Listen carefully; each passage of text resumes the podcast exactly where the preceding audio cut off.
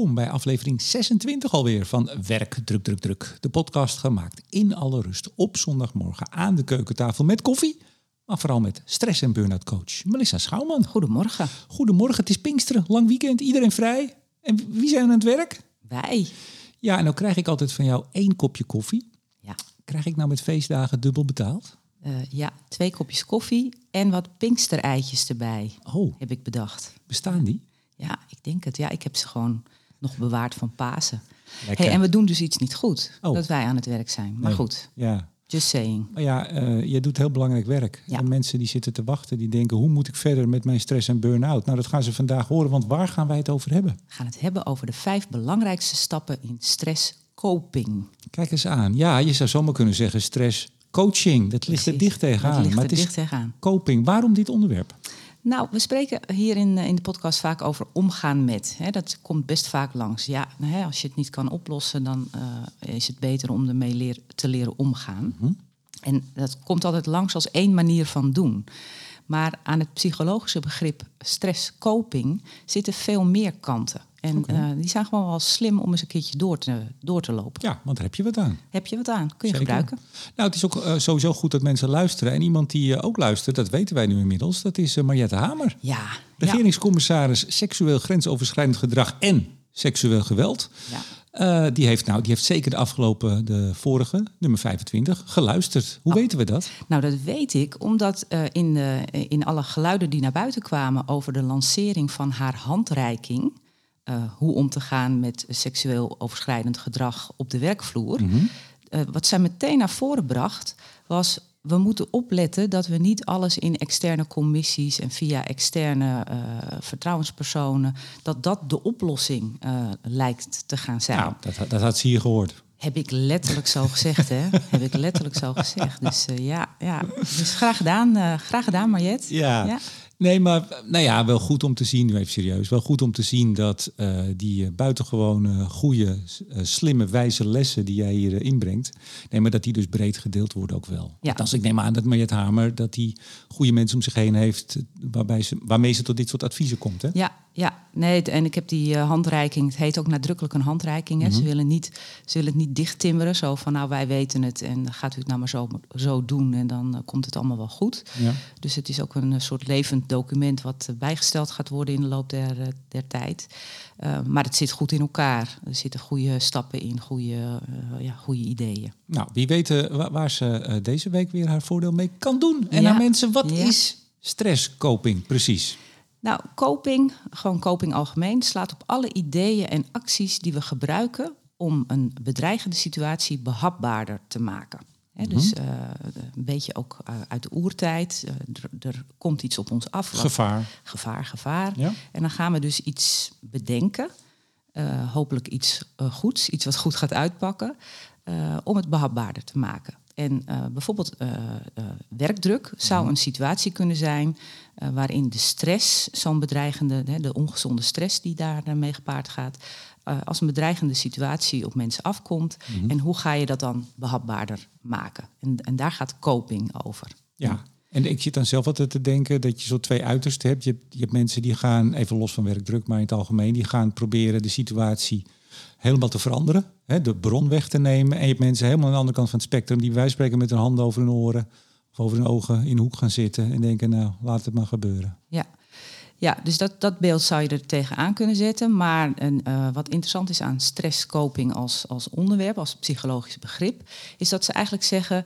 eh, het is niet zo dat eh, het, het oplossen bij de bron altijd kan.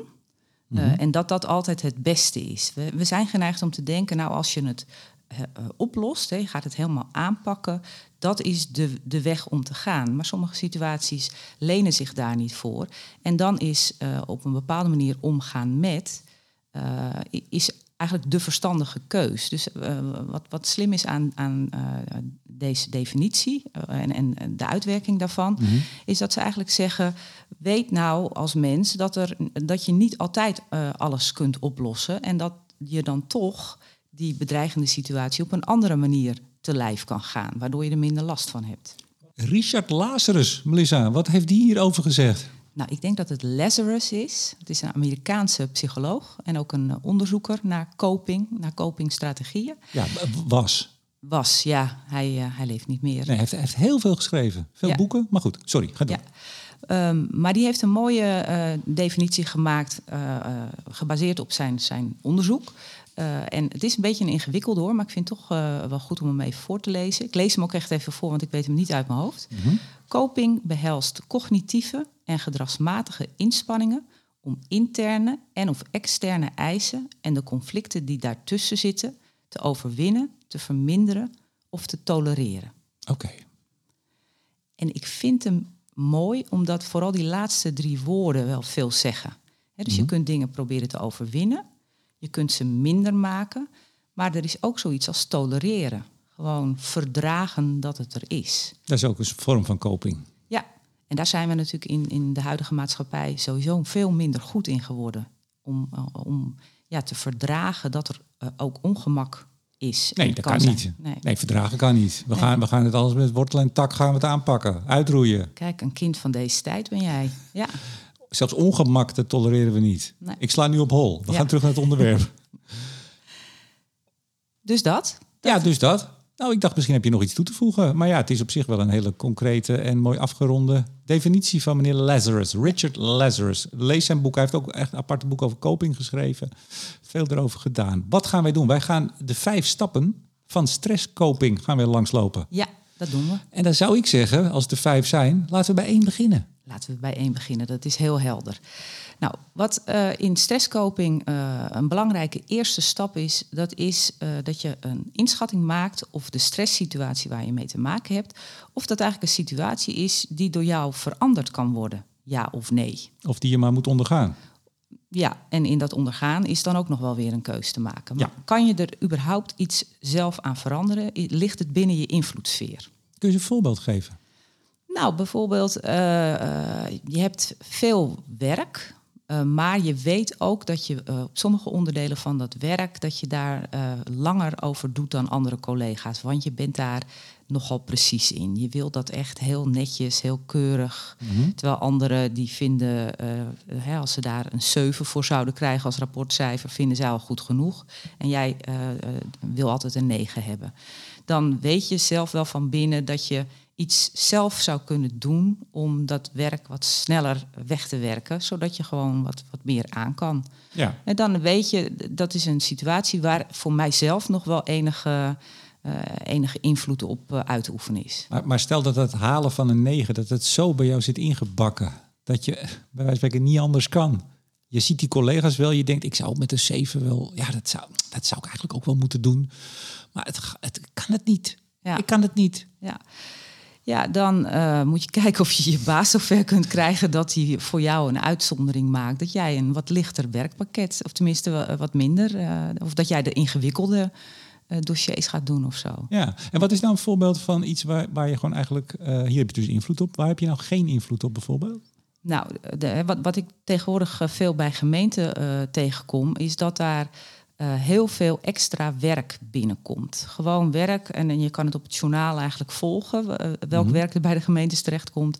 Opvang van eh Oekraïnse vluchtelingen, statushouders die eh, ja, op, op een toch wat onvoorspelbare, ongebreidelde manier kunnen binnenkomen en, en die natuurlijk hulp eh, nodig Ja, hebben. je kan niet zeggen, ja, ik zit vol en uh, Ja. dokie. Ja, hè, en, en dat is even naast het gewone werk wat gemeentes al te doen hebben. Dus ik hoor mensen bij gemeenten heel veel hierover spreken. Van ja, we hebben gewoon ons normale werkproces en er komt nu heel veel bij, wat een soort van ja, ineens over ons, ons heen gestort kan worden. Het loopt over de schoenen. Ja, en, en niemand kan daar echt iets aan doen. Want ook de bazen kunnen niet eh, eh, zorgen dat er minder mensen eh, het land binnenkomen. Eh, bij wijze van Ja, spreken. ja, Den Haag, dat, daar staan de kranten nu ook vol mee. Want het, eh, het, het potentiële, of eigenlijk al conflict binnen de coalitie, ligt alweer op straat natuurlijk. Waar, waar zetten we de grens? Wanneer gaat de grens dicht? Nou, Ja. dat is weer een heel ander onderwerp. Ja, maar dat is zoiets, hè, dat, dat is een, een eh, heel slecht of eigenlijk niet beïnvloedbare situatie. Zeker niet door degene die de dossiers daarvan te behandelen heeft. Dus nou, Helder. Nee, maar dus stap 1. Schat in van, nou, kan, kan ik hier iets aan veranderen? Of kan ik hier helemaal niks aan veranderen? Of zit er misschien soms een tussenweg? Ja, Oké, stap 2 dan. Nou, dan heb je uh, de keuze tussen probleemgerichte of emotiegerichte koping. Mm Zegt dat jou gelijk iets? Nou, ik vind probleemgericht vind ik wel een beetje negatief. Ik zou dan altijd zeggen oplossingsgericht. Maar dat is niet goed. Nee, nou, ik, ik, eh, ik heb dat niet heel precies kunnen navinden waarom ze nou uh, voor dat woord probleemgericht hebben gekozen. Maar mijn gevoel zegt, als je daar al oplossingsgericht van gaat maken, dan is het net of emotiegericht niet tot een oplossing leidt. Oké. Uh, en, en dat is niet zo, want deze uh, copingstrategieën zijn eigenlijk altijd goed om in te zetten afhankelijk van de situatie waar je ze op loslaat. Ja, en, en uh, probleemgericht geeft ook meer aan dat je uh, het probleem gaat aanpakken. Ja. Ja, want probleemgericht, om dat nog even precies te zeggen, is gericht op het direct, direct aanpakken van de situatie. Dus dat gaat ervan uit dat je invloed hebt op die situatie en dat je ook in staat bent om dat direct te kunnen gaan aanpakken. Ja, je dossiers iets minder uh, goed doen, uh, niet voor de negen gaan, maar de zeven, dat zou je zelf kunnen aanpakken. Precies, precies. En emotiegericht, dat is op het beheersen van de emoties die uh, gepaard gaan bij die situatie. Mm -hmm. Dus uh, he, uh, er komen weer honderd uh, statushouders moeten verwerkt worden. Eigenlijk kan het niet, maar die mensen staan letterlijk misschien wel aan de, aan de rand van de gemeente ja. en dreigen op een grasveld te moeten slapen. Ja, en dan heb je allerlei emoties en, en dan is de weg om, om te kijken hoe kan ik die emoties zo beheersen dat, ja, dat ze me niet in de weg gaan zitten. Dat ik er veel minder last van heb. Ja, we geven nu misschien wel, we blijven een beetje hangen in dit voorbeeld, maar er zijn er natuurlijk heel veel hè, op allerlei ja. vlakken in je werk. Dat je echt het. Ik kan me ook voorstellen, ja, ik heb nooit een baas gehad. En dus, althans niet, maar dat heb ik wel eens verteld. Maar uh, ik kan me echt voorstellen, ik kan me er wel in verplaatsen, dat het je echt naar, letterlijk naar de, of letterlijk niet, naar de keel grijpt. Ja. Dat je gewoon benauwd wordt, misschien wel echt hartkloppingen krijgt van het feit dat je dingen moet doen en het lukt niet. Je hebt geen tijd. Het, ja. ja, je kan onderuit zakken, Ja. letterlijk. Ik heb ook wel mensen gehad uh, in een heel ander uh, deel van het, uh, van het overheidswerk, die, die gewoon erfpachtdossiers te behandelen hadden. Uh, waar ook ineens een enorme piek in, in zat. Want in Amsterdam is er van alles gebeurd met die, met die erfpacht. Mm -hmm. Waardoor er ineens allemaal aanvragen kwamen. En die verzoeken moeten dan heel precies worden afgehandeld. Ja, dat is een soort eindeloze stroom. Ik heb zelf uh, bij de HEMA achter de kassa gewerkt als uh, zaterdaghulp. en dan had je het echt letterlijk dat je een, een hele lange rij zag uh, zag vormen voor je kassa. En die werd maar langer en langer. En, je deed en die werd ongeduriger. die mensen gaan op hun horloge kijken. En je deed je stinkende best om zo snel mogelijk al die bedragen aan te slaan. Nou, maar ja. nou wat, wat, wat deed je dan? Want ik kan me voorstellen als je daar net zit als jonge dame... dat je, dat je het ook aanvliegt. En ja. wat deed je dan? Nou, op mijn eerste dag inderdaad dacht ik echt... oh, wat erg, dit kan, dit kan ik helemaal niet. Want ik, ik ging de hele tijd naar die hele reis zitten kijken... Uh, van, oh jee, er komt er nog één bij en nog één bij. En dan raak je dus ook afgeleid en dan ga je dat werk langzamer doen. Mm -hmm. uh, toen kreeg ik de, de gouden tip van een ervaren uh, HEMA-mevrouw. En die zei, je moet gewoon alleen maar naar degene voor je kijken. Je moet niet Ja. naar die hele rij kijken. En dat was een hele goede tip, want dat heb ik de rest van mijn werkende leven bij de HEMA... wat niet zo'n heel lang leven is geweest... Uh, heb ik dat volgehouden. Ik heb in mijn studietijd ben ik een keer. Ik, ik heb van alles gedaan in mijn studietijd, maar vaak heel kort. En heel kort betekent soms maar een uur, omdat ik dan wegging. ik heb in een lopende band gestaan. Mm. Ik werd helemaal gek. Ja. Ja. En dat was niet dat je, dat je nog ergens een knop had, dat je hem even iets zachter kon zetten of zo. Ik weet niet wat het was, iets in, in, inpakken of zo. Of, nou, ja, het was lopende bandwerk. En er stonden mensen, die stonden daar al jaren. Ik was student, dus via een studentenuitzendbureau even ingevlogen voor wat extra hulp. En in exact, exact hetzelfde tempo, dag in dag uit, Ja. jaar in jaar uit. Na, na een uur, ik, ik kon het echt niet aan. Ja. Nee, die, die verstaan dan echt de kunst om te focussen op dat wat ze aan het doen zijn. En dat waarschijnlijk ook perfectioneren. Hè? Dus dat is ook, ook bijna een beetje een sport. Mhm. Om daar nog beter in te worden. Om je nog meer te kunnen afsluiten. En nog preciezer eigenlijk uh, dat, werk, dat werk uit te voeren. Ja? Ik, ik had geen enkele invloed op, uh, op het probleem, behalve weggaan. Ja. Ja, nou, nee, dat Zo was... coping. Ja. nee, ik heb het toch ook nog wel afgemaakt die, die avond. Maar uh, nou goed. Nee, dus belangrijk dat, dat je kijkt, kan ik er invloed op uitoefenen, ja of nee? En dan kun je dus kiezen voor die, uh, voor die twee verschillende wegen in de koping. Mm -hmm. uh, en het is ook zo als je daar niet uh, goed voor kiest. En daarom, daarom wordt het ook een beetje gestimuleerd van, denk daar nou over na. Ja, stap 2. Um, is dat stap 2? We zitten nog in stap 2, toch? Uh, ja, sorry. Ja, nee, ik dacht even dat je al naar de Nee, ik bedoel, het is dus echt een stap. Het is daarom, omdat het zo belangrijk is dat je goed kijkt. Want je wou zeggen, wat? Uh, als je uh, denkt invloed te kunnen uitoefenen op een situatie waar je eigenlijk geen invloed op kunt uitoefenen. Je gaat allerlei acties verzinnen om, er zelf, om dat zelf mm -hmm. op te lossen dan kun je ook gefrustreerd raken dat het maar niet werkt. Ja. dus als jij uh, denkt uh, op, op nou, zo, dat voorbeeld van uh, statushouders die, waarvan eigenlijk niemand weet hoeveel er van aan het loket komen te staan. Als jij denkt dat jij met je time management, met beter time management, uh, dit probleem kunt oplossen. En je gaat daar iedere keer weer in investeren. En je gaat nog een training doen. En je gaat zelfs misschien met iemand naast je aan je bureau zitten om nog slimmer dat werk te kunnen doen. En je gaat je pauze steeds korter maken. Ja, dat zijn dus allemaal geen oplossingen voor het grote probleem. Ja. Uh, en, en ja, dan word je dus gefrustreerd. Nou, dat zijn stap 1 en 2. We gaan stap, straks naar stap 3, 4 en 5. En dan komen we met meer richting, ja, maar wat kan je dan doen? Ja. Maar voordat we dat doen, nog iets anders. De personeelsmonitor 2022 van het ANO-fonds gemeente. Nou, ANO-fonds gemeente, dan denken luisteraars, daar heb ik Melissa wel eens over gehoord. Ja, waar ken ik dat van? Ja, ja, ja dat is de club, mijn club zou ik bijna zeggen, waar ik nu eh, veel, uh, veel voor aan het doen ben op het gebied van werkdruk. Ja.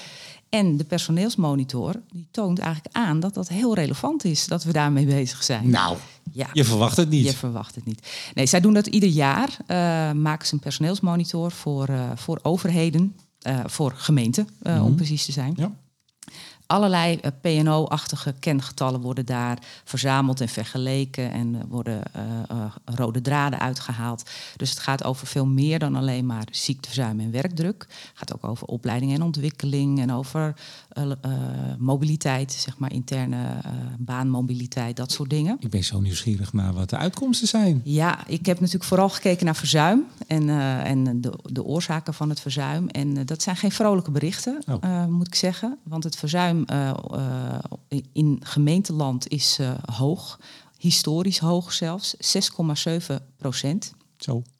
En vorig jaar was het nog 5,8 procent. en vergeleken met het landelijk verzuim is het ook zo hoog. Want het landelijk verzuim is in 2022, moeten we even precies in zijn, 2022 ja. gaat dit over, 5,6. Dus 6,7 gemeenten, 5,6 landelijk. Mm -hmm.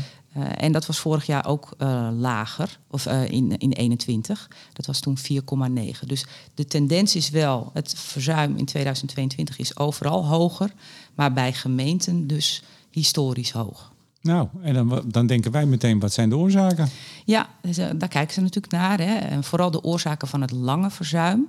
En binnen de gemeente uh, wordt daarvan aangegeven, uh, de helft uh, daarvan is, komt door fysieke aandoeningen. Dus gewoon echt ziektes en, en, aandoeningen die mensen hebben. Maar de andere helft door overspanning en werkdrukproblematiek. Tja, ja. Wordt, wordt daar ook niet, probeer even een beetje de andere kant, want het is natuurlijk een gigantische hoeveelheid. wordt er misschien wel eens ook te makkelijk alles daaronder geveegd? Vraagteken. Nou, ze ze proberen dat wel echt zo, zo precies mogelijk eruit te filteren hoor. Mhm. En dat zit al helemaal in uh, de manier waarop mensen zich ziek melden en uh, hoe arbodiensten dat ook registreren en al dat soort dingen. Ja, Oké, dus dat, dat is wel echt zo. Ja, okay. ja ik heb zelf uh, natuurlijk lang als PNO'er ook gewerkt. En ja, dat is ook wel uh, uh, een manier om grip te krijgen op uh, wat kunnen we doen aan dat ziekteverzuim. Hè? Dus het is ook heel belangrijk om, om daar redelijk precieze data van bij te houden. Het is niet zo van, ach nou ja, weet je, we vegen het allemaal wel op die ene hoop of die andere hoop. Mm -hmm.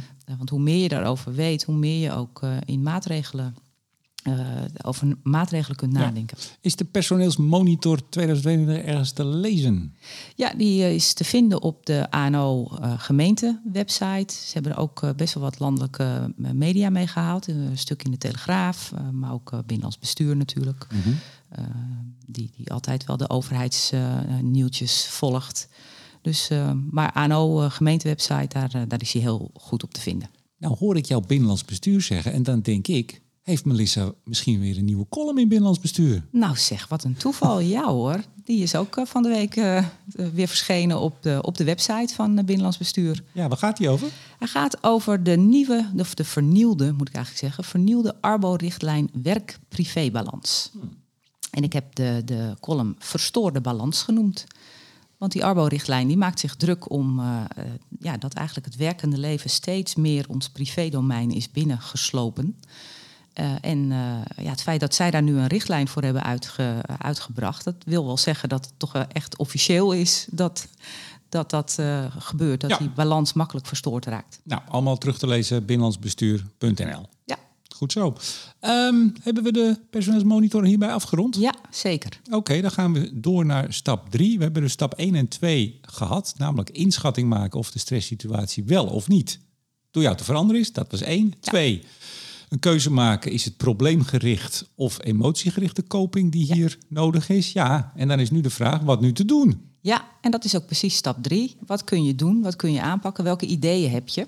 Mhm. En daarvan weten we uit uh, eerdere afleveringen dat het heel belangrijk is dat iemand iets kiest wat echt uh, ja, dicht bij hem staat. Wat een beetje past. Wat een beetje past. Ja, dat hoeft niet per se iets te zijn wat hij al heel gemakkelijk kan. Uh, mag best wel iets uh, opgerekt zijn. Hè? Want ja, op het moment dat je alleen maar dezelfde dingen blijft doen die je altijd deed, dan verandert er waarschijnlijk ook nog niet zo heel erg veel. Maar iemand moet zijn eigen oplossingen uh, bedenken. Of zijn eigen manieren om hier, om hier een weg in te vinden. de, de, tips en adviezen, nou, dat weten we van Duska Anschutz. Van, nee, dat mag niet. De Lab of Life. Nee, dat werkt niet. dat werkt gewoon niet. Nee. want dan kan iemand dol enthousiast zeggen... ja, maar dat, dat werkt heel goed, want dat heb ik ook zo gedaan. Dat moet jij ook doen. Ja, nee, dat, voor een ander gelden weer andere dingen. Ja, maar ik heb wel geleerd dat tips wel ter inspiratie kunnen werken hey, wat, wat, luister jij toch goed? Ja, heel goed. Ja. ja, ja. Dus uh, nee, als inspiratie prima, want er kan best wel iets langskomen dat je denkt, ah, wacht even, dat, dat past wel bij mij. Ja, of dat net niet, maar als ik het ietsje anders doe, dan misschien wel. Ja, ja. want het is ook uh, zo met uh, acties die je onderneemt om uh, dingen naar je hand te zetten of te verbeteren. Op het moment dat die acties op zichzelf wel goed zijn, maar ze passen eigenlijk helemaal niet in je leven. Je hebt er eigenlijk helemaal geen tijd voor om met die actie bezig te zijn. Ja, dan, dan, dan werkt het dus niet. Ja. Dus daar goed over nadenken. Mm -hmm. En nou ja, we hadden het net al een beetje over uh, als je nou over probleemgerichte acties nadenkt, uh, dan zou bijvoorbeeld zoiets als dat beter worden in time management voor iemand een actie kunnen zijn. Als hij echt denkt dat hij daar winst mee kan boeken. Ja, als, als er heel veel uh, tijd tussen je vingers doorglipt de ja. hele dag en je denkt, waar maak ik het nou eigenlijk aan op? Geen idee, ik heb alleen geen tijd. Nou, dan is het misschien goed om eens met iemand te kijken van waar, waar, besteed je nou eigenlijk je tijd aan? Ja, verdeel je dat wel goed? Laat je je te veel afleiden misschien? Dat soort dingen. Uh, maar het kan ook zijn dat iemand erop uitkomt, ja, ik moet echt met mijn baas praten over mijn takenpakket. Er is eigenlijk, als ik het zo op een rijtje zet, veel te veel bijgekomen. Allemaal een beetje impliciet. Uh, en ja, dat lukt gewoon niet meer in mijn huidige uh, werkuren. Ja, of stoppen met roken als jij tien keer per dag een rookpauze neemt. Tja. Ja, maar dat is, dat is een heel ander onderwerp, denk ik. Maar dat, in het begin hoorde je daar wel wat over. Hè? Toen mensen niet meer mochten roken. Nou, mensen gingen naar buiten. En, en toen op een gegeven moment kwam er wel eens wat reuring van... ja, maar als iemand ja. 10, 15 keer per dag... vijf of tien minuten naar buiten gaat... En toen zei weer ja, andere mensen, ja, maar andere mensen gaan lang naar de wc en zo. Ja. Dus dan krijg Maar speelt dat nog wel eens? Hoor je daar wel eens iets over? Ja, ik, ik wilde net zeggen, daar hoor je niet veel meer over. En ik moet uh, ook zeggen dat ik uh, heel blij uh, ben geweest dat ik die hele fase van, van dat, dat soort regels werden ingevoerd, was ik niet meer zo'n hardcore PNO'er die dan ook moest gaan verzinnen voor een organisatie hoe je mee om te gaan. Want dat lijkt me echt een drama. Ja, uh, ja, de, de, ja, moet je dan andere mensen ook een soort van pauze geven, snoeppauze. Ja, ook helemaal niet een goed, uh, een goed idee natuurlijk. Of een, uh, ja...